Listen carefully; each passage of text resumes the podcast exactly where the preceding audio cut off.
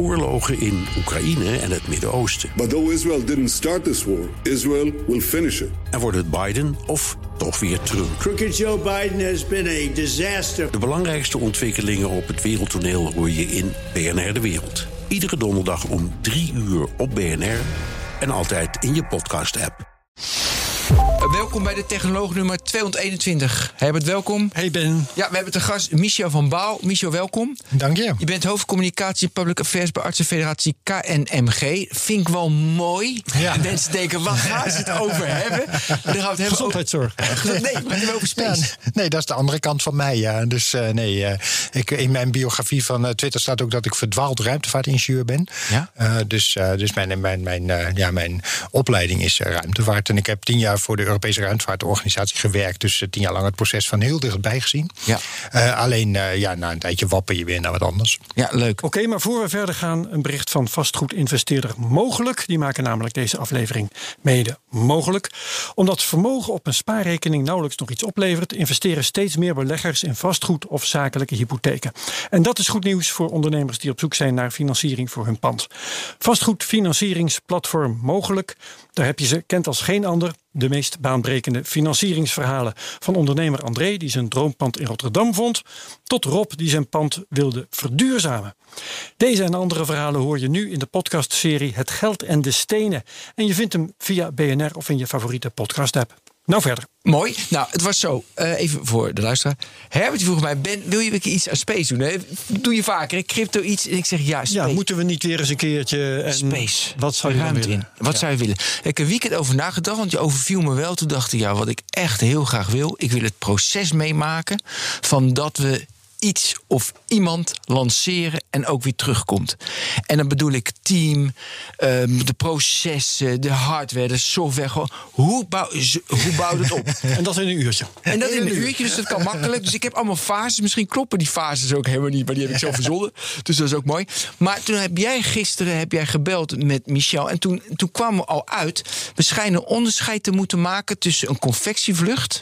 Dat is een, een, bijvoorbeeld een CubeSat. Of een special, de orbiter naar Mars. Ja. Groot verschil. De, kla- de klassieke ruimtevaart eigenlijk. Ja. Want nu heb je dus ook convectievluchten. Gewoon een lijnvlucht. Ja. Nou. Je hebt, je hebt standaardisering. Dus je, je kan nu bijna off the shelf kan je een, een satelliet bouwen en, en laten lanceren. En dat, dat is relatief nieuw hoor. Dat, eh, dat kon een jaar of twintig geleden kon dat niet. Maar tegenwoordig kun je redelijk off the shelf satelliet maken. En ja, dat is niet altijd ingewikkeld. Nee. Maar eh, gaan we nu, ik bedoel, kunnen we dit parallel, dat hele lanceren? Of moeten we nu echt kiezen tussen een, bijvoorbeeld een CubeSat en die, eh, en die Marsmissie? Of kunnen we het parallel, die twee kunnen we doen? Of is het echt heel anders? Nee, het is wel echt anders. En het eerste is vrij kort, weet je wel. Dat dus is doen vrij we simpel. even. Dus eh, dat even ter illustratie. Stel dat jij nou een simpel satellietje wil. eh, ehm, en je wil dat een beetje snel naar de ruimte brengen. Hoe gaan we dat dan doen? Nou, dat, daar ben je zo mee klaar eigenlijk. Eh, op het moment dat jij een, een missie naar Mars wil lanceren. of iets van wetenschap wil doen. ja, dan wordt het echt heel erg ingewikkeld. En als je nou net zegt dat moet ook nog terugkomen. dan denk ik, oh god, wat beginnen we aan? Weet je, dus, Ja, maar dat moet ook. ja. Mo- Oké, dan laten we dan eerst die, eh, die hele simpele kan dus in een kwartier of zo. En bien makkelijk. Nou, het bouwen en maken, hè? maar het uitleggen wel, ja. Ja, en je zegt we gaan beide casussen dus vanuit een projectleider perspectief bespreken. Ja.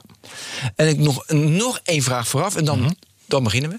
Ehm, is er nog een verschil tussen of ik die, die satelliet met SpaceX, NASA of Blue Origin ga lanceren... of het komt allemaal op hetzelfde neer? Eh, ja, dat maakt wel uit. eh, want eh, je moet bij het. bij, als je, naar, je moet rekening houden met wat, wat die raket met je satelliet doet. En een van de belangrijkste dingen die dat ding doet, is het enorm door de was schudden. Want dat zo'n ra- zo'n raket is een enorm Beweegt. gewelddadig ding. Dus dat beweegt gigantisch. En niet elke raket beweegt op dezelfde manier. Dus als jij je satelliet echt gaat ontwerpen straks, dan moet je wel kijken op welke satelliet, op wel- welke raket moet die straks. Dat moet je eigenlijk die- van tevoren al weten. je moet van tevoren weten, kan die de trillingen van die specifieke raket Ja. aan? En is die raket wel krachtig genoeg? Want als jij naar Mars wil, ja, dan ga je met een, eh, met een klein raketje, eh, dan ga je natuurlijk nooit, eh, ga je niet genoeg snelheid mee kunnen bouwen. Nee.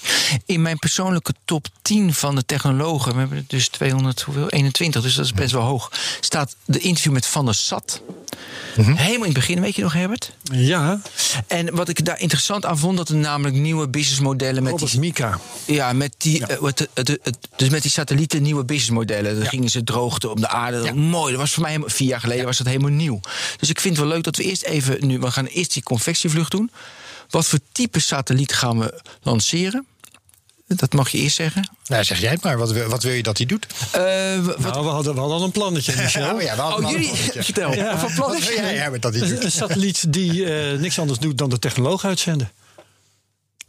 Wat staat dat nou op? Nou, technoloog from space. Ja? Dat je overal op aarde, als, je, Ja. als het ding overkomt, de tech- technoloog kunt luisteren. Dat, zou geen, geen eh, verdorven regime dat meer kan tegenhouden. Dus, en eh, hoe, hoe ziet dat eruit? Even dus voor het beeld nu. Nou, eerst. bliep, bliep, bliep door de ruimte. Nee, dat nee maar dat is een, eh, want ik heb die CubeSat opgezocht. Dat, is een, dat is een klein kastje, 30 bij 30. Melk, melkpak ongeveer. Je Oh, kleiner eh, nog, melkpak. Ja, je hebt je 30 bij 30 ongeveer. Ja, pak een beetje. Maar me- meestal gebruik je als je een, eh, een, een CubeSat bouwt, dan gebruik je er drie. Dat is echt standaard, maar drie van die kubussen bovenop elkaar. En dat is dan een zogenaamde 3U cu- CubeSat. Dat is het meest gangbare. En dat is ongeveer een melkpak. En die zou je kunnen gebruiken om de technologen uit te zenden vanuit de ruimte. Dat zou kunnen. En wat zit daar dan in? Nou ja, daar moet, daar moet je dan alle elementen gaan, eh, in gaan zetten die jij nodig hebt voor je missie. Dus je begint met, het, daar- in die zin is het vergelijkbaar met zo'n grote eh, missie van wat wil je dat die moet doen. En daarna ga je kijken, eh, ja, wat heb ik daar dan van nodig? Weet je wel, bijvoorbeeld moet ik mijn satelliet, de, de positie van mijn satelliet kunnen sturen. Als je een telescoop hebt, dan moet je hem kunnen richten op de aarde, heel specifiek op een bepaalde plek. Maar als je alleen met een brede antenne de technoloog uitzendt, dan kun je hem rustig laten spinnen, laten tuimelen. Dus dan heb je geen standbesturing nodig. Nou, dan maakt het al simpel. Weet je, dus dat heb je niet nodig. Eh, heb je, kun je, als je het ding laat spinnen. Dan ga je hem barbecuen, dat is heel fijn. Eh, want dan gaat, eh, komt de zon namelijk geleidelijk de hele tijd over alle kanten van die satelliet heen. Dan krijg je geen hele grote temperatuurverschillen. Ook weer fijn, scheelt een heleboel problemen. Dus zo ga je kijken van wat hebben we nodig om die missie te doen. En wat betekent dat dan hoe die, voor hoe die CubeSat eruit gaat zien. Ja, maar nu even heel concreet. We gaan dus de technoloog overal uitzenden. Ja. Wat voor satelliet hebben we daar dan voor nodig? Wat zit daarin? Nou, dat moet je van tevoren bedenken. Er moeten zonnepanelen op.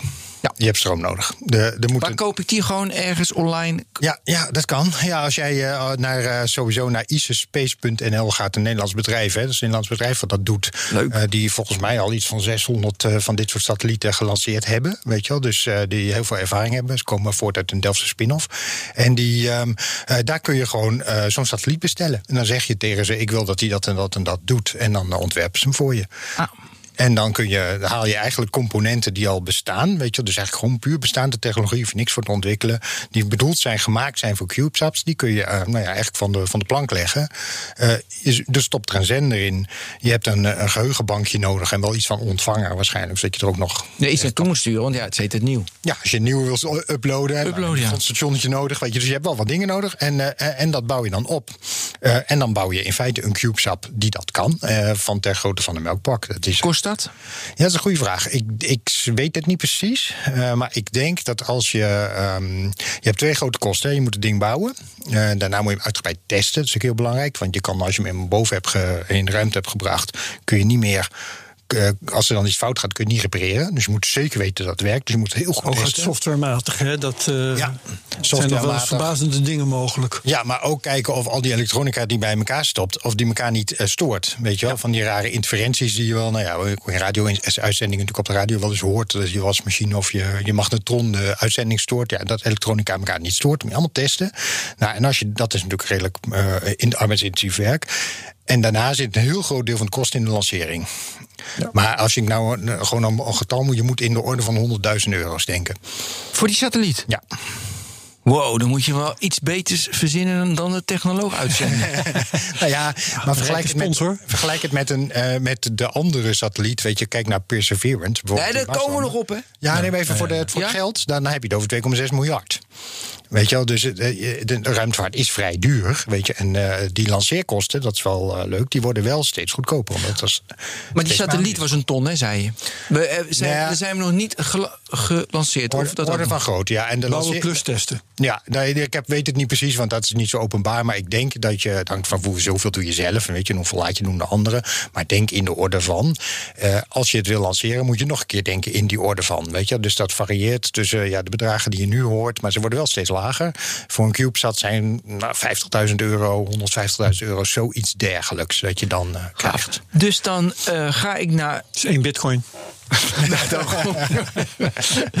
en, uh, ga, dus ik ga naar, naar de site van Space. Ben ik niet gegaan, sorry. Nee. Ga ik naar de site van SpaceX mm -hmm. en dan bestel ik gewoon. Wanneer kan ik mee? Van ISIS, uh, ISIS Space. Uh, ga je naar die site ga je. Oh, ja? Die, die Nederlands bedrijf, die, daar kun je dan zeggen. Oh, ik dacht die... dat ik daar die satelliet bouwde. Ja, ja, maar dat, regel, dat regelen zij regelen ook voor, ook je. voor je. Dan gaan ja. zij op zoek naar een, naar een moment om dat te kunnen lanceren. En, ontzorgen, hè? Dat is een soort, ze hebben me zelfs wel eens gezegd. Um, we zijn een soort reisbureau voor de, voor de ruimte. Dus ze bouwen je satelliet en ze lanceren. Fantastisch. Hey jongens, en als je nu. Kijk, nu is het flauw met de technologie. Dat is natuurlijk helemaal geen business case. Maar van de SAT, van, naar mijn idee was die. Ik weet niet of ze nu al winst maken en, enzovoorts. Maar zijn er nu echt al meer van de SAT-bedrijven die denken van. hé, hey, met die satelliet. Ja, dat, dat ene wifi-bedrijf. Die. Nou ja, je hebt. Uh, je, je, je ziet toch dat, een paar. Je ziet dat uh, Starlink van, uh, van SpaceX. Maar die doen dat Ja, helemaal in eigen beheer. ja. Maar je ziet dat er steeds meer van die. Um, uh, van die bedrijven uh, komen. Er zijn er nu drie volgens mij uh, die bezig zijn met het ontwikkelen van netwerken van satellieten, zwermen eigenlijk. Dan heb je het soms over 60.000 satellieten die om de aarde moeten hangen. Ja.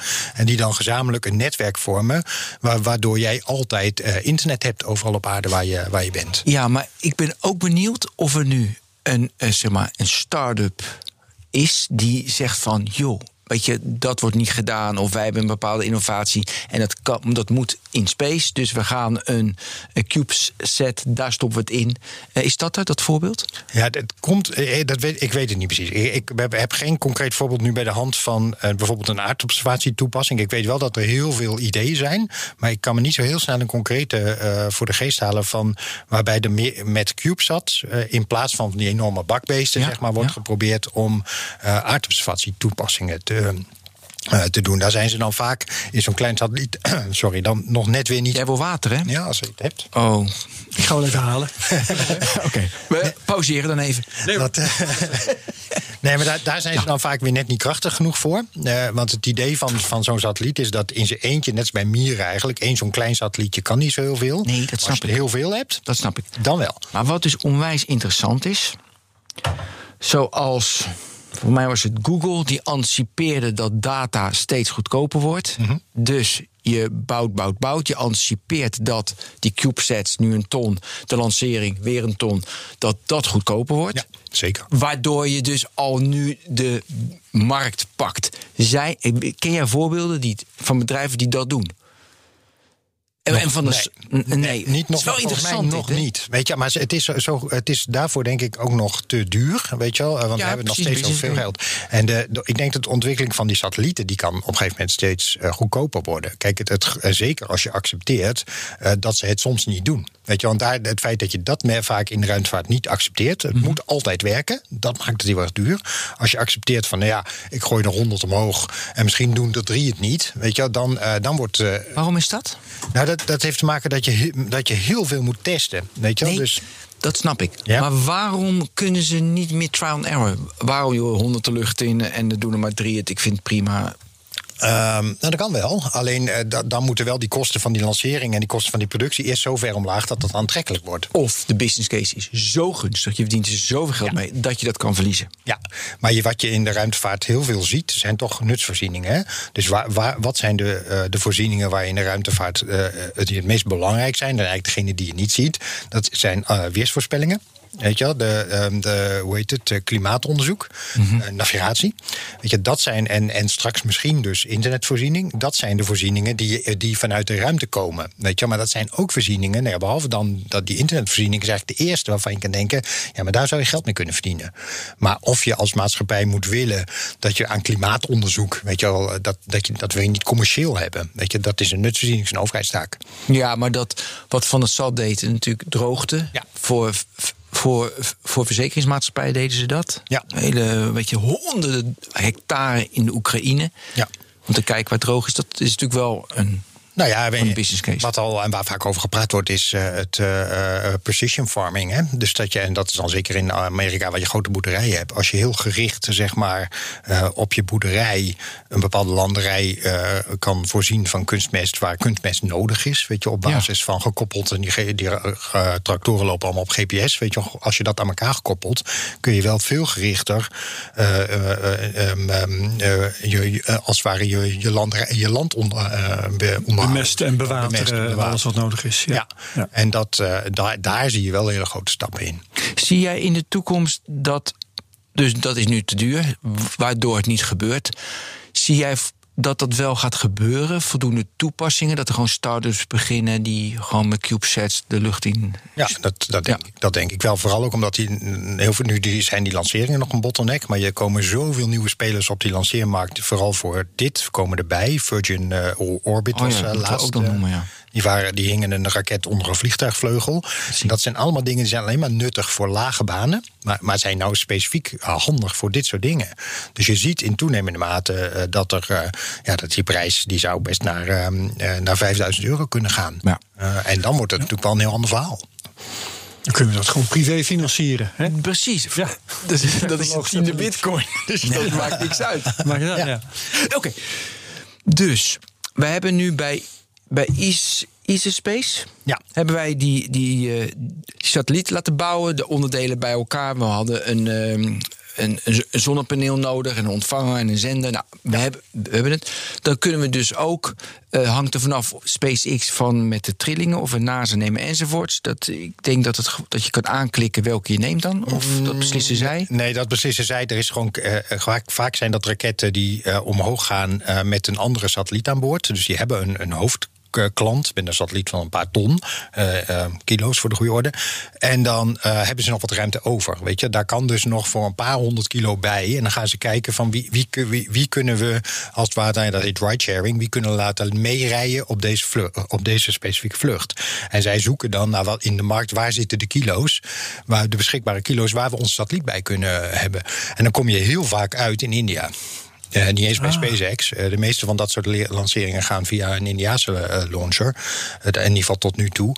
Ehm, je ziet nu, nu heel langzaamaan ook een markt ontstaan voor eh, lanceringen die heel specifiek alleen CubeSats meenemen. Dus dat, dat gaat nu komen, weet je. Dus dan, dan kan je daarop mee. Maar ja, wanneer dat ding omhoog gaat en naar welke orbit je precies gaat, ja, daar heb je dus niet zo heel veel invloed op. Ja, dat is de prijs van convectie. Hè? Dat Ja. je minder in te brengen hebt eh, als het gaat om eh, nou ja, de details. Even een vraag tussendoor. Eh, hoeveel, gemiddeld hoeveel lanceringen zijn er in een, in een jaar? Maar is zijn er iedere dag een paar? Ik, Geen idee. We hebben dat laatst een keer eh, Ja. bij Space Cowboys in kaart gebracht. Ja, precies. En ik weet het niet uit mijn hoofd, maar ik kan wel een link opduikelen die we toen een keer gepubliceerd hebben. En, maar het komt neer op eh, tientallen Ja. per maand. Tientallen lanceringen per maand. Per maand. Ja. Oké. Tientallen per maand. Dus dat, dus dat zou zomaar gewoon één gemiddeld per dag. De 365 per jaar. Dat zou Ja, gewoon kunnen. Nou, dat is aan de hoge. Ik denk dat je in de, in de buurt van 300. 20 terecht Wel komt. hoog hoor. Maar, hoog? eh, Ja. ja. en dat hangt er ook een beetje vanaf of je, wat je dan allemaal meet. Ik ga het gewoon nu even opzoeken. Ja. en maar dan dat is. straks vertel ik. En dan ook die grafiek zou ik toch willen zien in de toe. Weet je hoe dat Ja. zeg maar gaat? Oké, waar waren we nu? Jij, eh, dus het gaat je vaak om in India uit, want dan is die lancering het goedkoopst. Ja. Ehm, die satelliet, dat bij elkaar klikken van de juiste onderdelen, dat kunnen wij gewoon met z'n drieën doen met die tiende bit, nee, met die twee bitcoins. dus dat hebben we al. Ja. Dan brengt die satelliet waarschijnlijk gewoon met DHL gaat naar India. Ja, je slaat de fase over. Je, Ja, moet, hem- precies. je moet hem nog wel even testen. Kijk, je hebt dat ding in elkaar gezet straks. eh, maar dan moet hij dus. ehm, eh, Gewoon in mijn schuur thuis, hè? ja, precies. Dat kan, in theorie, kan- als je dat. eh, Als je liefst wel, ik zou het in een cleanroompje doen. Dus eh, dan moet je wel even wat klussen Moet ik even naar de buren. Ja, maar, daar, maar als je het in een cleanroom doet en je zet het ding in elkaar, dan wil je wel testen om te kijken of dat ding goed functioneert. Kijk, een van de belangrijkste dingen die je bijvoorbeeld wil testen, is hoe die functioneert op het moment dat hij in een vacuüm terechtkomt. Noem eens wat, stel dat je dat ding zo hebt gemaakt dat jij ergens een, een stukje in die satelliet hebt um, uh, gecreëerd waar lucht in opgesloten zit. Uh, wat niet weg kan. Dan gaat die ding gaat naar de ruimte toe. Ja, dan krijg je natuurlijk in dat kleine stukje enorme overdruk. Ja, dan klapt je hele satelliet in elkaar. Dat, dat, uh, dat ontploft gewoon. Dus die lucht, lucht moet eruit kunnen. Nou, dat soort dingen moet je testen. Kan die satelliet goed tegen die lage en die hoge temperaturen? En worden je onderdelen dan niet oververhit en dergelijke? Nou, daar heb je kamers voor waar je dat kunt nabootsen. Je moet kijken of die tegen de trillingen kan. Dus het is heel simpelweg een tafel waar je hem op zet. En dat ga je schudden. Om te kijken of die op dat moment uh, ja, of die niet op een rare manier, uh, net als je wasmachine als het ware, gaat weglopen. Dus je moet een heleboel testen voordat je Ja, zeker weet. Dat lukt mij niet zelf. Dan moet ik, Ja, dat, dan moet maar een dat bedrijf. Space ook voor je doen. dat, Precies, ze testen ja, ook. Dat kunnen ze gewoon. Ja. Dus het is gewoon echt een satellite as a service. En uiteindelijk hebben ze ook, voor me getest. Oké, dus we, we hebben getest. Dat moet Ja. inderdaad gebeuren. Yes. En dan wel met DHL. Mm, Ja, dat bij wijze van spreken. Ja, dan moet je hem vervolgens naar. ehm, eh, UPS vind ik ook goed hoor. Ja, dan moet je hem naar de, eh, eh, hoe heet het, naar de, naar de lanceerplek brengen. Ehm, en dat, ja, ik denk dat dat gewoon best met een vliegtuig inderdaad gewoon in de, in de post kan. De grap was wel eens dat, dat als je in Rusland lanceert, dan moet je heel vaak die, worden die raketten in een, in, een, in een hal opgebouwd. En daarna met een, over een spoorlijn zeg maar, naar de plek gebracht. Dat is gezien, ja. Ja, en dat, dat het voor ingenieurs, zeg maar, die, die, dat die rit over die spoorlijn eigenlijk voor de satelliet een vervelender belasting is. Dus meer trillingen oplevert Ja. dan, de, dan de lancering zelf. Weet je wel? Dus nou ja, daar. Maar als dat probleem heb je in India bijvoorbeeld niet. Dan ga je hem gewoon er als het ware inzetten. En dan moet je nog even testen of alles dit doet. En dan, ja, dan heb je hem in principe klaar voor lancering. ja. We hebben In februari, ja. ja. In februari alleen al, nu nog, hè, we nemen dit op op 24 februari. Eh, vandaag de 25ste, de 27ste. Er zijn het er zelfs twee, de 28ste twee. Jongen. Dus eh, ja, gemiddeld bijna elke dag een lancering. In maart Ja. niet helemaal, dan tel ik er 17. Eh, maar het getal van tientallen, dat is eh, wat ik in mijn hoofd had zitten, dat is dan natuurlijk het aantal satellieten. Ja, ja, ja. Dat is natuurlijk een veelvoud daarvan. Ja. Omdat je, zoals Michel al zegt, eh, bijna elke lancering heb je één hoofdklant. en een hele hoop eh, kleine klanten die in de Ja. hoekjes en gaatjes nog worden weggestopt. En soms zelfs zo'n lancering die uit eh, alleen maar CubeSats bestaat. En dan kun je er zo meer dan 100 hebben. Ja, kijk naar. Starlink. Als eh één zo'n Starlink-lancering is, hoeveel satellieten? 60 geloof ik? Ja, Die in één 60. Keer. Eh, dan is heb je in één keer 60 satellieten. Dus eh, dat gaat wel heel hard, ja. Ja, Ja. Maar het is dus eh, tussen de 10 en 20 lanceringen per maand. En eh, tientallen tot honderden satellieten per maand. Ja. We zijn met DHL zijn we in India aangekomen. Ja. En dan pakt gewoon iemand dat ding uit. Maar nu wil je, moet je even beschrijven hoe zo'n lanceerplatform, die raket, eh, weet je, welke mensen zijn daarbij betrokken. Ja, nee, dan, eh, eh, ja, dan moet hij uiteindelijk van. En nogmaals, dit soort dingen bewaar je in een cleanroom. Hè, want je wil niet dat er stof in komt, want dat geeft kortsluiting en zo. Dus dat moet allemaal in cleanrooms. Met mensen met witte pakken aan en dat soort dingen. En dan moet hij uit de verpakking. En vervolgens moet hij dan worden in een container worden gezet waarmee je hem uiteindelijk uitstoot. Want je, hij zit dan in een, in een, soort, ja, in een soort box die, waar die in, inschuift. Waar die met een veer als het ware wordt uitgeduwd. Van hij moet wel. Eh, als die boven is. Als die boven is. Hè? Dus dat, eh, daar moet die worden ingezet. Eh, en dan moet, eh, moet er heel uitgebreid worden getest of alles het doet. Weet je, of al, nou ja, dan heb je vaak nog één keer dat je al die systemen test om te kijken of er niks is kapot gegaan. Dan is er altijd één sensor die niet meer reageert. Moet er ding niet weer uit. Weet je, nou ja, dat, dat is de, Dat wordt nog helemaal gek. ja, ja, nee, maar dat is de standaard ellende. Weet je, dat je ook op het laatste moment ontdek je nog weer een probleem wat je, wa- wat je aan het begin waarvan je niet bewust was dat je het had. Weet je, dus je ontdekt toch nog weer een Nou, dat moet je dan nog weer fixen. Maar meestal lukt dat dan. En dan eh, gaat hij er op een gegeven moment in, dicht. En dan is het wachten op de lancering. Ja. Even de lancering. Eh, wil je dat ook helemaal op. de- we- er is altijd een team mensen altijd juichen, zie ik altijd. ja. Dat het feest. Val elkaar om de hals. nou ja, het is altijd. Het, ik heb Nee, jarenlang dit soort e- evenementen gedaan waar we inderdaad moesten juichen voor lanceringen. Maar het moment waarop je juicht is vaak best wel lastig. Want wat is nou precies het juichmoment? Want het succes is eigenlijk bijna. Nou ja, het zijn meerdere momenten van succes. En het echte succes is vaak pas Als hij terug dagen is. later. Ja, ja, nou precies. ja, weet je, dan moet, er, dan moet eerst Ja. nog zo'n zonnepaneel uitgeklapt. En als dat niet goed gaat bij een grote satelliet, hè, als het niet niet goed gaat, dan is het gewoon einde verhaal. Weet je? wel. Dus er zijn nog allemaal van die best wel spannende momenten. waardoor je eigenlijk die, die fles champagne voelt altijd heel ongepast. Op, bij Ja. zo'n, Hij is bij in de goede moment. baan gekomen. Ja. Inderdaad, die zonnepanelen Ja. uitgeklapt. eh, De Ja. eerste, het eerste teken van leven. eh Ja. ja. ga zo maar door. Maar om het gewoon even stap voor stap te doen, zeg maar. Je hebt dan een, een lanceermoment, dan heb je altijd een window, een, eh, een, een tijdwindow waarin die raket weg Mhm. moet. Dat hangt van de, vaak van de primaire customer af. Voor jouw CubeSat maakt dat niks uit. Hè? Maar er is een primaire customer, die moet ergens heen. En dan moet je precies op het goede moment moet je weg. Als de aarde zo gedraaid is dat je, dat je als je dat moment lanceert, precies op de plek komt waar je wil wezen. Nou, daar wacht je dan op. Soms is het maar, als je naar Space Station moet bijvoorbeeld, is de window vaak maar in de orde een paar seconden. Dan moet je echt op dat punt omhoog. Want anders is Space Station verdwenen, zeg maar. Dan moet je meestal een dag wachten voor die, voordat die weer over je hoofd heen komt. Eh, maar laten we aan- aannemen dat we iets meer tijd hebben.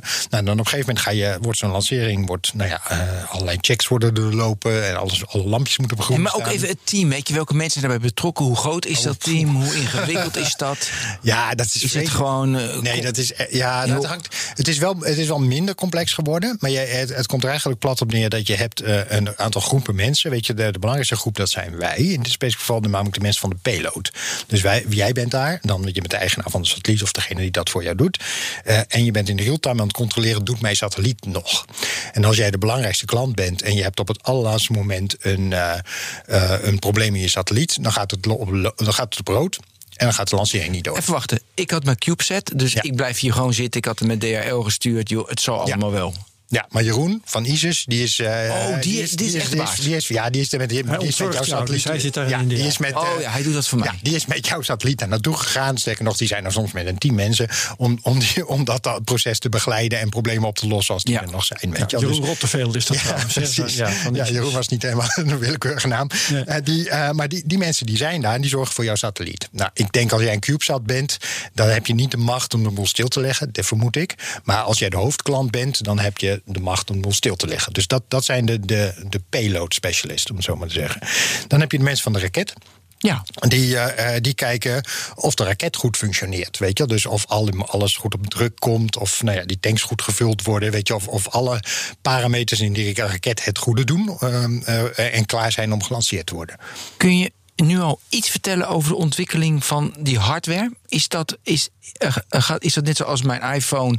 Dat, ja, dan heb ik in, plaats van 12 en 14 megapixel eh, dat niveau? Of Van de raket bedoel je? ja, gewoon hardware van de raket? Nee, die, de hardware van die raket. Is dat al jaren hetzelfde? Ja, Stelt niks voor? nee, of of dat- toch wel nee. betere materialen? Nou, het is, nee, dat is, het is precies andersom eigenlijk. Als je zo'n raket hebt en is operationeel, dan wil je eigenlijk niks aan het ding veranderen. Weet je, omdat dat.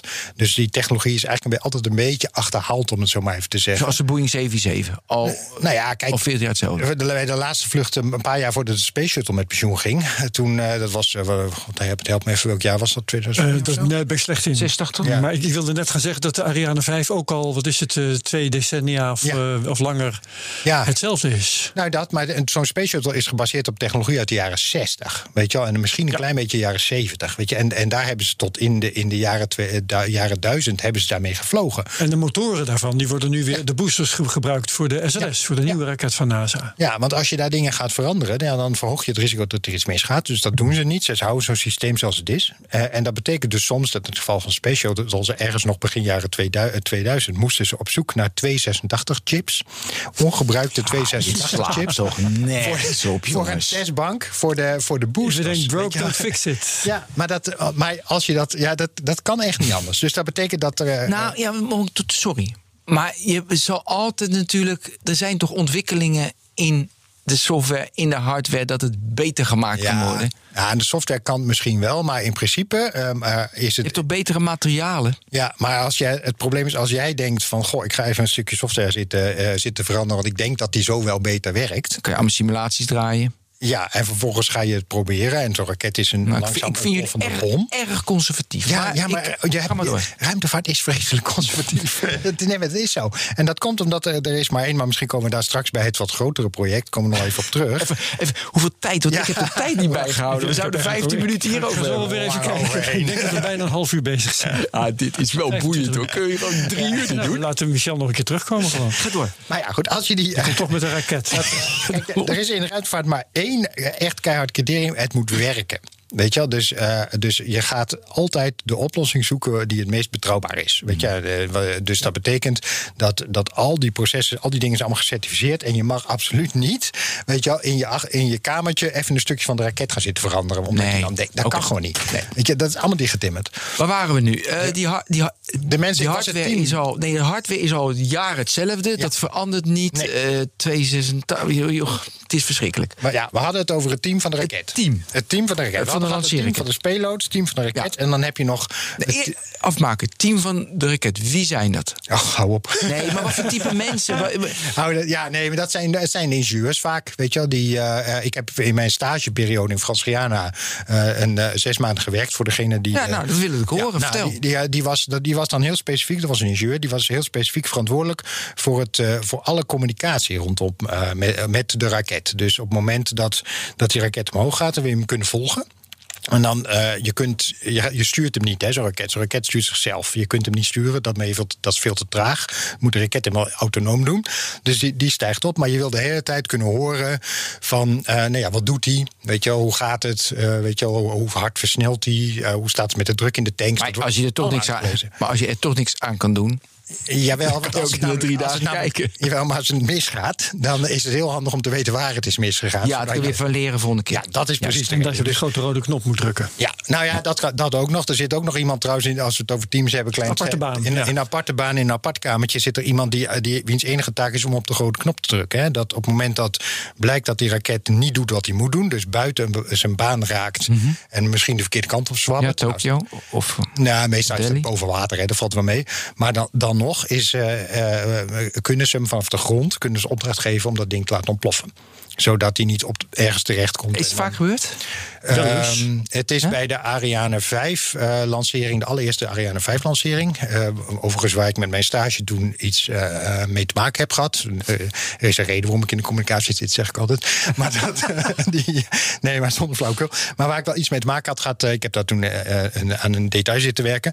Maar die, bij die eerste Ariane 5 lancering ging het na 42 seconden mis.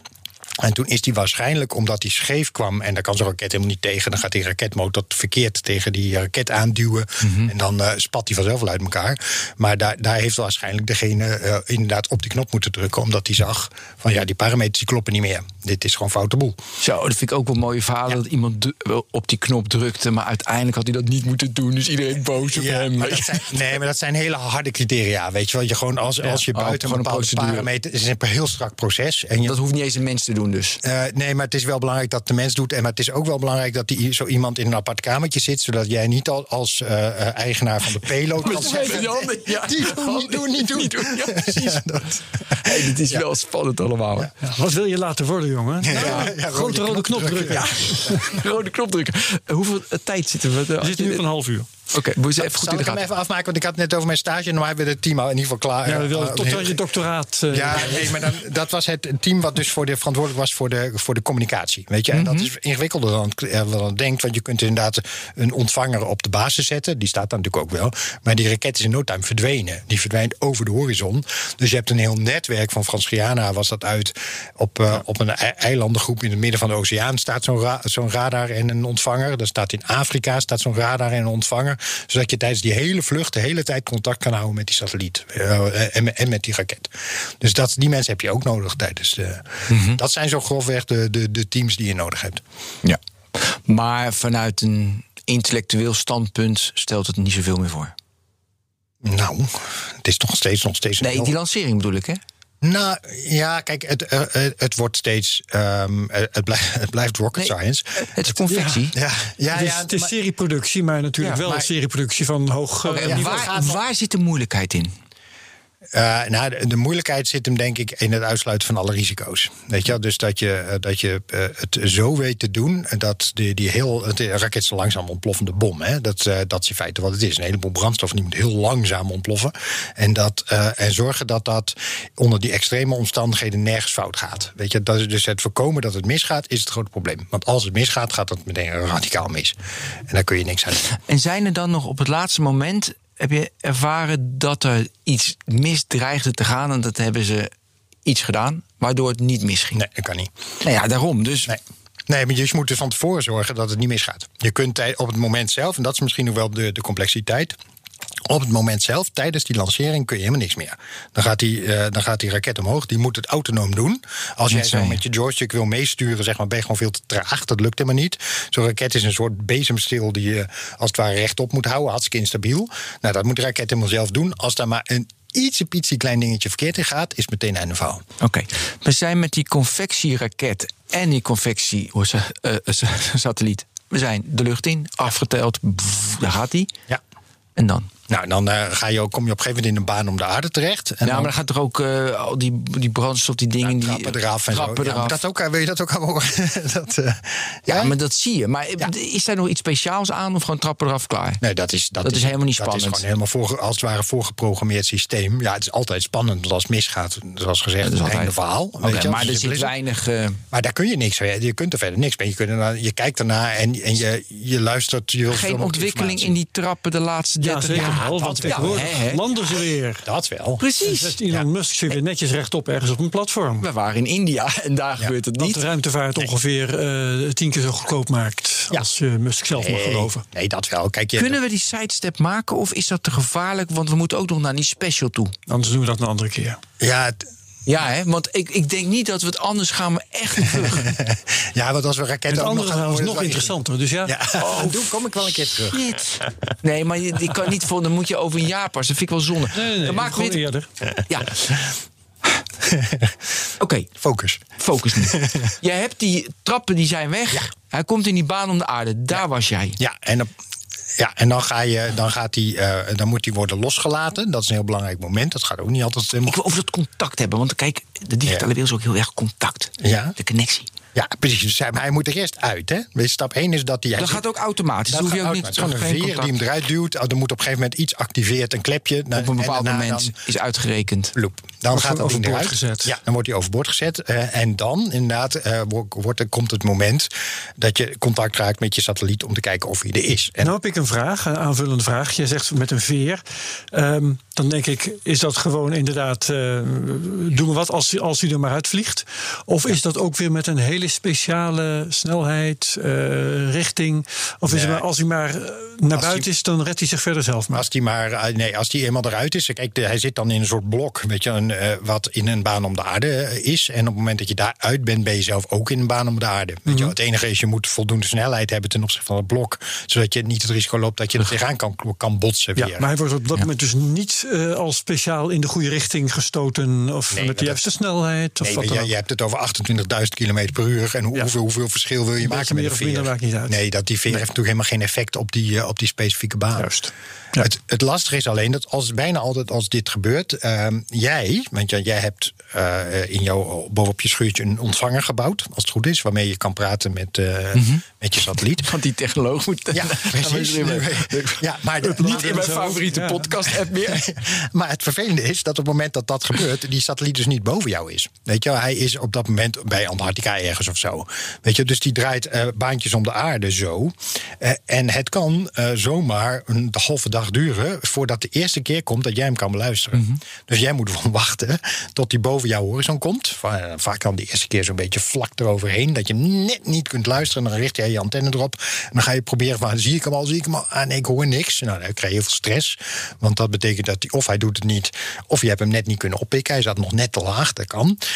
Dan duurt het 90 minuten, want zo lang duurt een baan om de aarde in, op die hoogte. Dus dan du- duurt het 90 minuten voordat hij in plaats van zo, zo over je heen komt. Nou, dan ga je het opnieuw proberen. Nou, dan zit hij prachtig boven je. En als het goed is, zegt hij dan: ping, hier is de technoloog.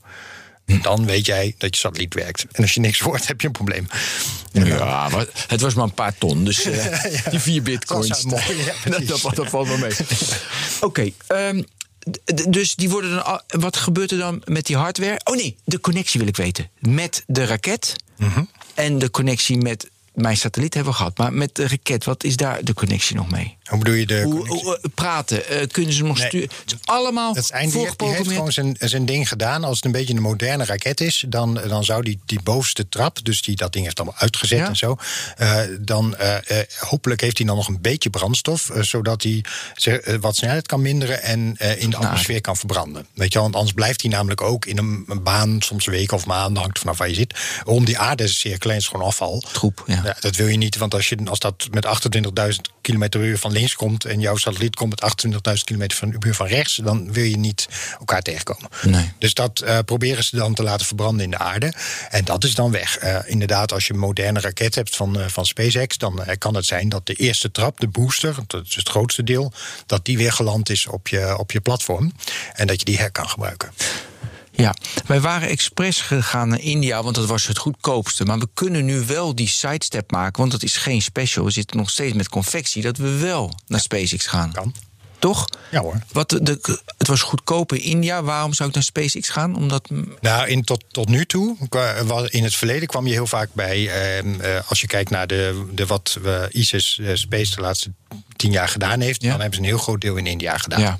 Maar goed, het, het kan best zijn dat je tegenwoordig, weet je, ook bij SpaceX terechtkomt eh, en dat, daar, eh, dat je daar een goede Dat opportunity kan vinden. Ja, goede ruimte is. Ja. Oké, dan moeten we misschien, ehm, want we waren, hij is verdwenen, dus ja, we zijn ook alweer terug.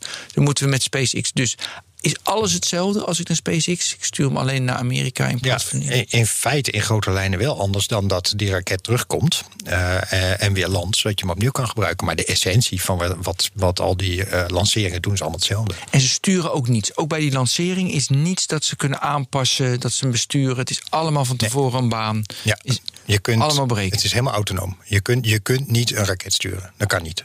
Eh, dat ding is zo, eh, je moet zo snel als het ware, als die heel klein beetje, zeg maar, eh, wiebelt de verkeerde kant op. Tegen de tijd dat jij dat op de grond hebt ontvangen en besloten hebt dat je eraan wat gaat doen, is het ding al ontploft. Dus, Dus die, moet, die moet autonoom zichzelf sturen. Op het moment dat hij vertrekt, dan staat vast in wat voor baan hij gaat belanden. Ja, ik, meestal gaat hij een aantal seconden, vier of tien seconden van tevoren, gaat zo'n raket over naar interne systemen. Dan is hij eigenlijk, al vanaf dat punt is hij helemaal autonoom. Ja, maar voor de goede orde, hè.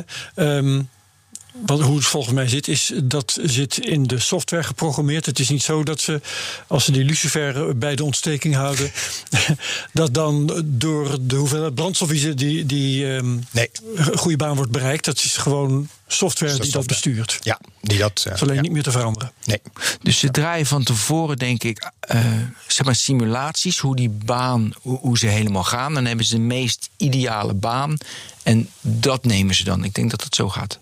Ja, en dan is eigenlijk het vrij eenvoudig om, eh, om van de aarde gewoon naar een lage baan te gaan. Want dat is eh, dan, eh, dat, waar je dan vooral naar kijkt, is eh, wat de meest efficiënte manier is om het te doen. Kijk, je, je, eh, je gaat vaak eerst. eh, Eigenlijk zou eh, um, een beetje schuin de kant op. eh, Laat ik laat ik één stap terug. De aarde draait. Dat is belangrijk, want je krijgt door die draaiing een heleboel snelheid gratis. Dus als je op de Evenaar staat, waar de meeste lanceerbasis zitten, dan krijg je door de draaiing van de aarde een heleboel gratis snel- snelheid. Dus de, vrijwel elke lancering lanceert met die richting mee, want dat is dan mooi, mooi meegenomen. Eh, en dan moet je eigenlijk zo'n beetje schuin omhoog. Nou, dat, eh, dat lijkt heel logisch, alleen wat ze meestal toch doen is recht omhoog. Eh, want dan ga je zo snel mogelijk door die, die, die dikke laag van de atmosfeer heen. Daar leef je heel veel, dat heeft heel veel wrijving, daar heb je heel veel verlies. Ga je eerst recht omhoog door die dikste laag heen en dan pst, schuin omhoog. Ja. Weet je, dus dat, dat is allemaal uitgerekend wat het meest efficiënt is. Ja. We hebben nu eh, hardware verandert niets of een beetje simulaties. En het moet uiteindelijk goedkoper. Teruglanden, wat SpaceX doet. Nou, hartstikke mooi. Dat is een tiende, zei je net. Maar is, is dat het? Ik zoek een beetje de ontwikkeling zodat het zo goedkoop wordt dat inderdaad die start-ups kunnen ontstaan en dat je kan anticiperen op Het nog meest meer cruciaal daarvoor is wel geweest volgens mij de ontwikkeling van de CubeSat. Ja, ja ik, het is uiteindelijk ook wel, kijk, eh, herbruikbaarheid is wel de sleutel. Weet je, dat je raketten dus opnieuw kunt gebruiken. Nou is dat natuurlijk ook niet helemaal nieuw. Want de Space Shuttle konden we ook opnieuw gebruiken. Dus sowieso, maar alleen dat kostte nog steeds een miljard. Maar, de, eh, maar dat je uiteindelijk goedkoop opnieuw kunt gebruiken is wel de sleutel. Je krijgt nu ook start-ups in de, in de rakettechnologie. Heb je heel veel start-ups. Waar die proberen inderdaad dat soort herbruikbare kleine raketten te, te bouwen. Die je voor betrekkelijk weinig geld omhoog kunt lanceren. Dus daar zie je een ontwikkeling. Dat ze proberen om dat nou ja, competitief eh, eh, te, te, te doen. Eh, nou, nou is dat tot één kilometer is heel makkelijk. Dus daar één kilometer hoogte lanceren is makkelijk. 10 kilometer wordt al lastig. En, en daarboven heb je zoveel energie nodig. Dat Ja. het echt heel. ja, het wordt gewoon gevaarlijk in de zin van het kan. Nou ja, dan ontploft het heel makkelijk. Dus, dus dat is een uitdaging. Maar daar zie je heel veel ontwikkelingen. De andere ontwikkeling die je ziet is wat Virgin Orbit doet. Die nemen een vliegtuig. Dat brengen je zo hoog mogelijk als een Boeing kan komen. Wat is het, 15 kilometer, zoiets dergelijks. Eh, omdat je dan die, die dikke lucht, luchtlaat meteen vermijdt. Waar we het net over hadden. Daar wil je zo snel mogelijk doorheen. Nou, dan brengt je vliegtuig brengt die, eh, je raket al boven die luchtlaag. Zodat je daarna meteen schuin weg kan. Eh, en dan bespaar je een heleboel brandstof die je aan het begin niet nodig hebt. Dus Wat ik wel wil weten is, eh, want je noemt die Space Shuttle. Wat was nou de vergissing in het ontwerp van de Space Shuttle? Dat die herbruikbaar was, maar toch nog poepieduur. terwijl eh, Elon Musk op een beter spoor zit. Ja, dat, dat heeft er volgens mij te maken met het feit dat, dat ze alles wilden met die Space Shuttle. Dus eh, ze wilden zowel vracht kunnen vervoeren als eh, mensen. En ehm, Ja, ja. Dat, is, dat is een niet zo goede keuze. Omdat je namelijk voor mensen heb je een veel hogere veiligheidsmarge nodig. Dan mag het echt niet misgaan. Nou, dat is Space Shuttle natuurlijk ook niet gelukt. Maar dan wil je echt dat het niet misgaat. Dat wordt heel duur. Terwijl dat voor vracht eigenlijk helemaal niet zo nodig is. Dus je gaat vracht omhoog brengen eigenlijk voor de kostprijs van het omhoog brengen van mensen. Nou, dat, dat is dus competitief helemaal niet handig. Alsof jij zeg maar één grote vrachtwagen hebt waar je zowel mee je- verhuizing doet, maar ook mee naar oma rijdt. Ja, Weet je, dat is niet handig. Moet je nog meer uitleggen, want eigenlijk is dat met SpaceX volgens mij ook wel aan de hand. Want die hebben pas ook wel een eh, capsule met eh, astronauten omhoog gebracht. Terwijl ze, als ze een ander hulpstuk op dat ding schroeven, dan, dan kunnen ze daar vracht mee eh, omhoog sturen. Dus hoe zit ja, dat? dat is een ander soort vracht, hè? want uh, daar gaat over, over uh, lading voor, voor, voor Space Station. Waar Space Shuttle voor bedoeld was, die kon hele, en ook wel fors hoor, satellieten omhoog brengen. Of hele stukken van het, van het ruimstation.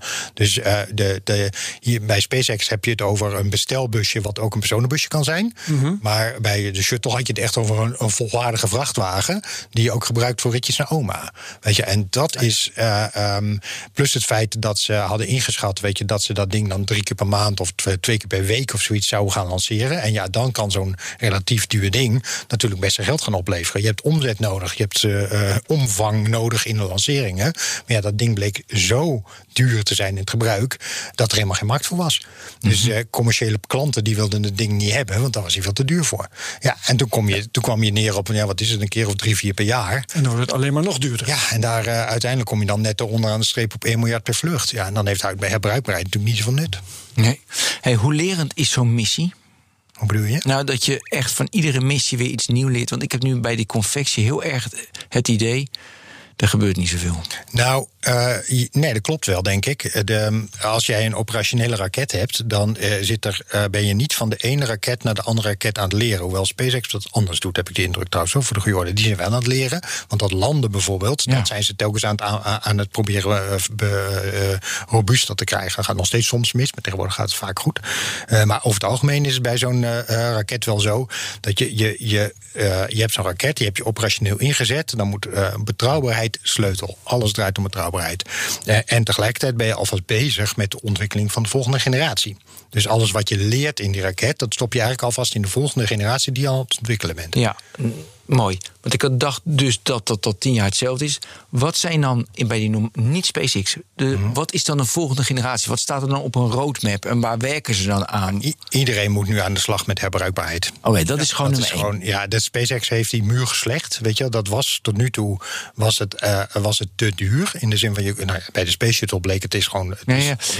En nu, maar nu heeft SpaceX laten zien dat het kan en, en ook competitief kan en dat je echt de prijs van een kilo lancering echt een, een, een, een, een factor omlaag kan brengen.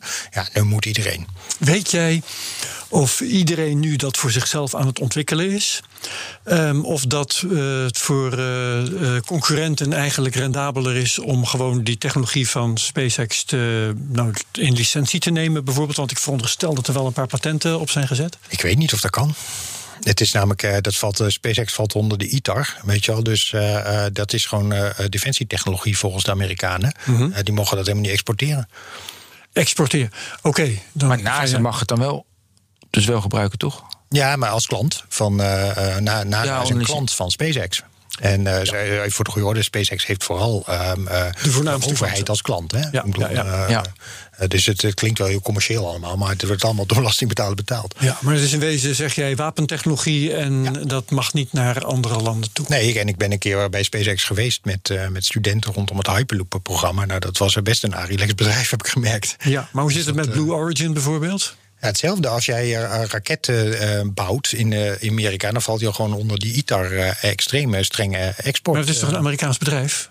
Blue Origin van, van Jeff ja? Bezos? Ja, ja, maar dan val je onder, onder de ITAR-regels. En dan, ja. mag je, dan mag je geen technologie exporteren. En, en heb je ook hele strenge regels en, voor wie je mag aannemen en zo. Exporteren, dat, dat betekent gewoon verkopen in het algemeen. Ook, ook niet aan landgenoten.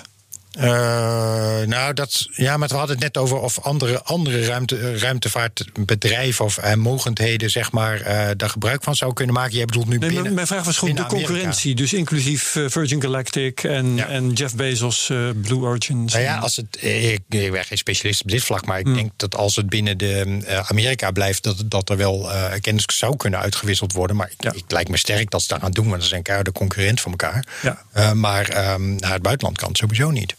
Ja, oké. Je noemde SpaceX, je geweest, een Arilex bedrijf.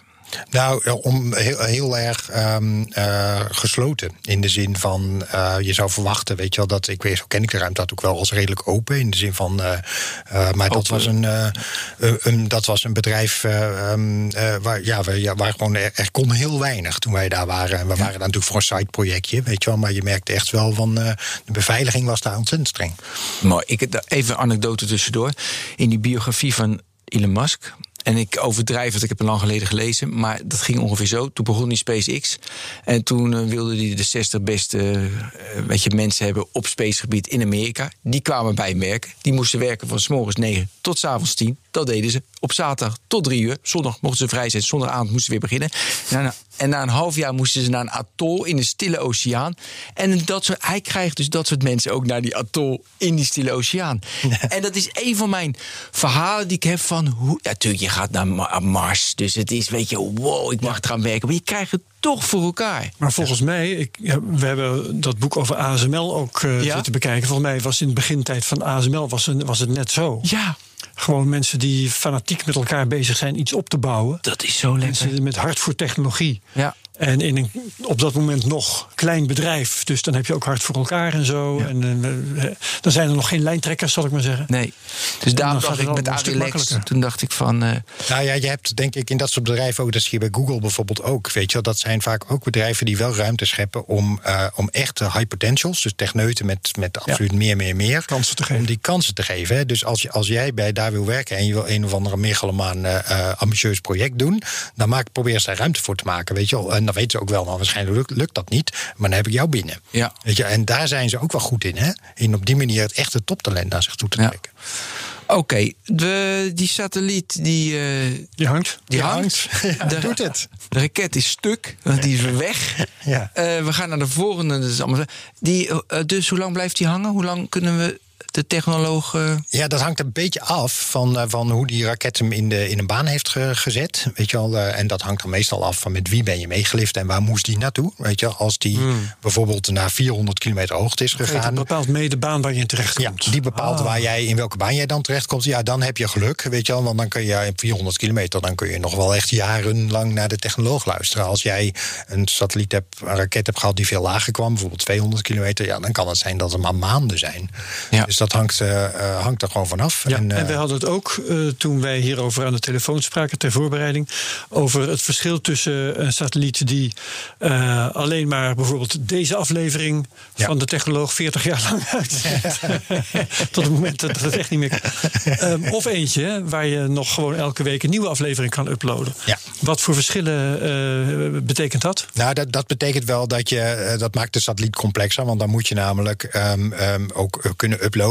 En dan heb je uh, een, een, computer aan boord nodig die die, die signalen, nou, je programma kan vervangen. Klinkt allemaal best wel simpel, dat is ook niet heel moeilijk. Maar hij wordt zwaarder. Maar je wordt, uh, hij wordt dan ingewikkelder. Weet je wel, je moet dan, meer uh, energie. Ja, en je moet dus je, je, dat vereist in je ontwerp wel een aantal andere dingen waar die, die waarschijnlijk duurder van wordt. Dat, ja, ja, dat zal wel lukken. Overigens wel grappig hoor, want de eerste satelliet waar, waar ISIS uit ontstaan is, is Delphi C3. Dat is een, was een universiteitsproject en volgens mij uit de jaren 90 uit mijn hoofd. Maar die, dat was ook een CubeSat, een van de allereerste CubeSats.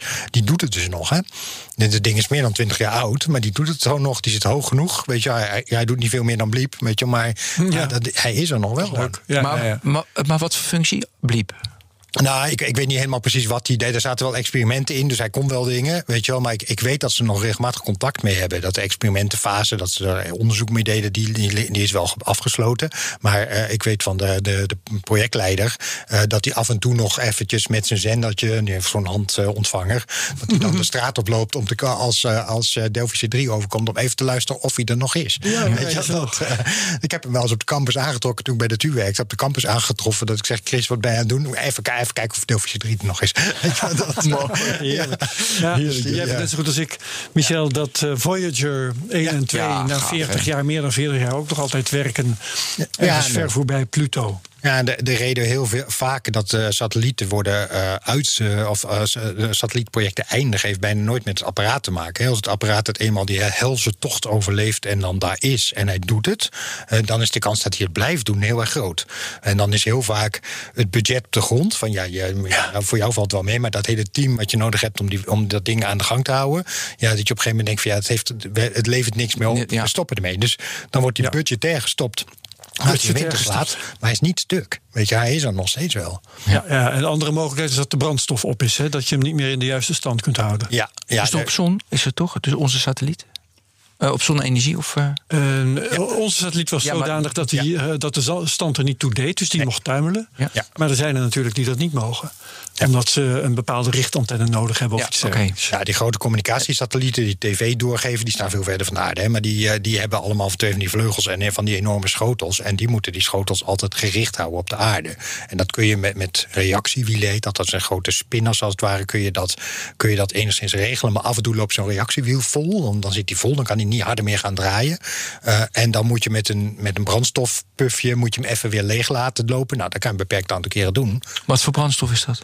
Ja, soms is het gewoon stikstof dat ze gebruiken. Sturen ze ook gewoon gewoon Ja, mee? dat zit dan in een tankje. En dan eh, kun je. eh, Dat is dan geen brandstof, maar gewoon blazen. hè? Eigenlijk blazen, ja. Je- als, het, eh, eh, als ze echt brandstof gebruiken, dan is het vaak hydrazine. Maar dat is dan meestal gebruik je dat als je van de ene plek naar de andere plek wil. Dat is vrij giftig spul. Eh, dat, eh, ehm, dat gebruik je dan, maar dat is een monopropellant. Dus dan heb je maar één brandstof nodig die zichzelf verbrandt. Weet je? Dus je hebt, je hebt alleen maar Geen zuurstof. je hebt geen zuurstof nodig, alleen één goedje. En dat gebruiken ze in satellieten als je echt van baan moet veranderen, omdat je ergens anders heen wil.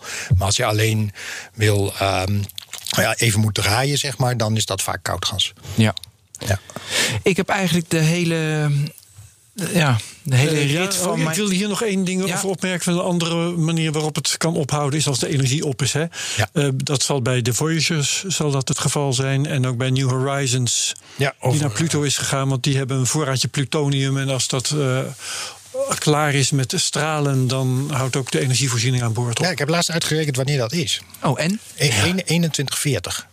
In 2140. Ja, dus dat, eh, dat, eh, die kan gewoon nog 100 jaar door. Dat, eh, Ja, of het- nou, ze zetten bij Voyager wel steeds meer apparaten uit. Ja. Omdat het wel gewoon eh, steeds minder wordt. Hè? Het vermogen dat je Ja. beschikbaar hebt. ja, dat. En dat ding doet niet alleen stroom, eh, maar levert ook warmte. En, en die warmte heb je nodig om, te, om zeker zoals je heel zo ver van de zon af bent, om te zorgen dat het ding natuurlijk niet volledig vastvriest, zeg maar. Dus op een gegeven moment, als die warmte-output van die bron te laag wordt, ja, dan wordt het op een gegeven moment ook eh, eh, einde zaak. Maar in theorie zou die volgens mij nog 100 jaar mee kunnen. Ja. Nou, dan hebben we nu nog eh, drie minuten voor, eh, voor die special die veel interessanter is. Ja, dit is toch dramatisch. Geeft toch niks? Dit was het makkelijke deel. Gewoon nog een, eh, dit- ja, dit was etappe 1. Etappe de, één. de, de Kun je- tweede, tweede trap doen we dan. De tweede trap doen we volgende keer. Kun je wel misschien tot, tot slot als cliffhanger... Mhm. wat maakt zo'n special, we gaan naar Mars... Ja. Zo bijzonder of moeilijk of lastig? Nou, bijna altijd omdat je op het moment dat jij de satelliet ontwerpt, eh, dat jij gebruik gaat maken van technologieën die er nog niet is. Dus je, je moet dan tijdens de, de jaren dat je dat zo'n satelliet ontwerpt, en dan heb je het al vaak over vijf tot acht jaar, zeg maar, in dat ontwerpproces, moet je ook je technologie nog ontwikkelen. Dus je, je moet de technologie zover krijgen om te kunnen doen wat jij wil. Want anders kan je geen grensverleggende wetenschap doen. Dus je, je, je anticipeert erop dat je in staat bent om in die vijf jaar eh, de- je technologie mature af te krijgen om hem in een ruimtevaartproject te kunnen gebruiken. Spijt van dat we dit hier gedaan hebben. oh, echt spijt. Jij begon het wel. Ja, ik Ja. stom. Ga ik dat hele Maar, proces... en, en eh, heb van, van de telefoon. Oh nee, ga dan Ja, de vervolg. even een vraag. Ja. Eh, eh, kun je even één voorbeeld geven van een technologie die er nog niet was? Ze ging maar al ontwikkelen. Uiteindelijk is hij er gekomen. Of eentje die er niet is gekomen? Nou ja, je ziet dat bijvoorbeeld het, het meest duidelijk met telescopen. Weet je, dat je, ehm, als je als je met een telescoop eh, naar, een radar, ik noem even iets, gewoon eh, een eh, stralingsbronnen in de ruimte wil kijken. Dat je, nou ja, dat kunnen we al, weet je wel. Daar heb je een telescoop voor met een sensor en bladibla. Alleen ja, je wilt beter kijken. Weet je, en dan kan het op een gegeven moment komen, eh, zover komen dat je bijvoorbeeld eh ontdekt dat als je, die, als je dit nog wil doen, dan moet je, heb je een detector nodig die één enkel lichtdeeltje kan detecteren. Dus enkel Weet je, en dat je zegt, ja, nou, dat kunnen we overigens nu wel hoor. Maar dat je, toen, toen ze aan dit soort dingen begonnen, weet ik dat we dat, we dat niet konden. Dus dan betekent dat je moet gaan, uh, dictatoren moet gaan ontwikkelen die op single foton uh, uh, zeg maar detectie kunnen. Weet je, dat is dan je doel. Van wij gaan dat ontwikkelen en we denken dat te kunnen doen met deze, deze specs zoveel tijd. Nou, dan kan je daar een satelliet omheen ontwikkelen. Mooi.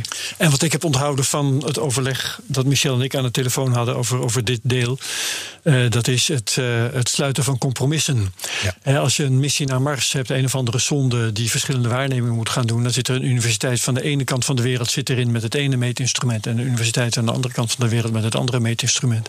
Ja, het is... En die vechten om ruimte, die vechten om energie, die vechten ja. om van alles en om gewicht niet te vergeten. Ja, ik kan, ik kan een heel kort grote lijn doen, ik kan misschien later een keer, hè, weet je, ja, maar de, diepte in? Ja, de diepte maar de, grote lijn is eigenlijk als je dat doet, dan zeg je: oké, dit is mijn budget. Weet je wel, ik, ga, ik wil een satelliet naar Mars en dat mag maximaal 250 miljoen euro kosten. Weet je, dus dat moet je aangeven.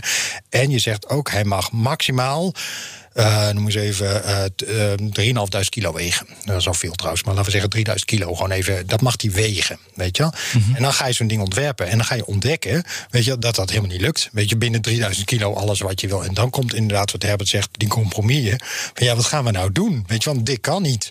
Uh, weet je, en dan roept de een wetenschapper, ja jongens, maar ik wil toch graag heel, heel, heel graag die iets zwaardere camera meenemen. Ja, jongen, maar dat is drie kilo extra, die hebben we ja, niet. Ja, weet je. En, en de, die puzzel, om dan, ja, het is niet één drie kilo voor de camera, maar er moet meer stroom bij. Dus het zonnepaneel moet eigenlijk even ietsje groter. Weet je wel, dat verandert de massaverdeling in de satelliet. Oei, dan gaan we andere eigen frequenties krijgen. En je hele kaartenhuis dondert om, omdat één iemand drie kilo extra wil. Ja. Dat doen we dus niet. Dat doen we. nee. Dat heet concurrent design. Maar dat, ja, dat, ja, dat zou leuk, leuk, leuk. Komen we Ja, graag op terug. Heel graag. En dit heb jij dus één keer in de twee weken in de Space Coast. Dit soort verhalen. Ja. Wat gaaf. Daar, eh, Michel maakt deel uit van een team, hè? Ja, nee, maar goed. Dit, ja. ik heb nog nooit. Het is heel, want ik luister dus wel naar Lex Friedman als hij Space heeft. Ik zit jou ook te. En dat vind ik, vind ik mooi. Maar nou, Space Cows. Super hoor, dat moet echt eh, alles Ja, gaaf. list. Die moet echt in mijn list komen, want ik vind het echt een goed verhaal. Maar, en we gaan hem dus vervolgen met die special. En ja, nee. oké. Michel, eh, Van Baal, hartstikke bedankt. Hebben bedankt. Dit was bedankt. Technoloog nummer 221. En tot de volgende Technoloog.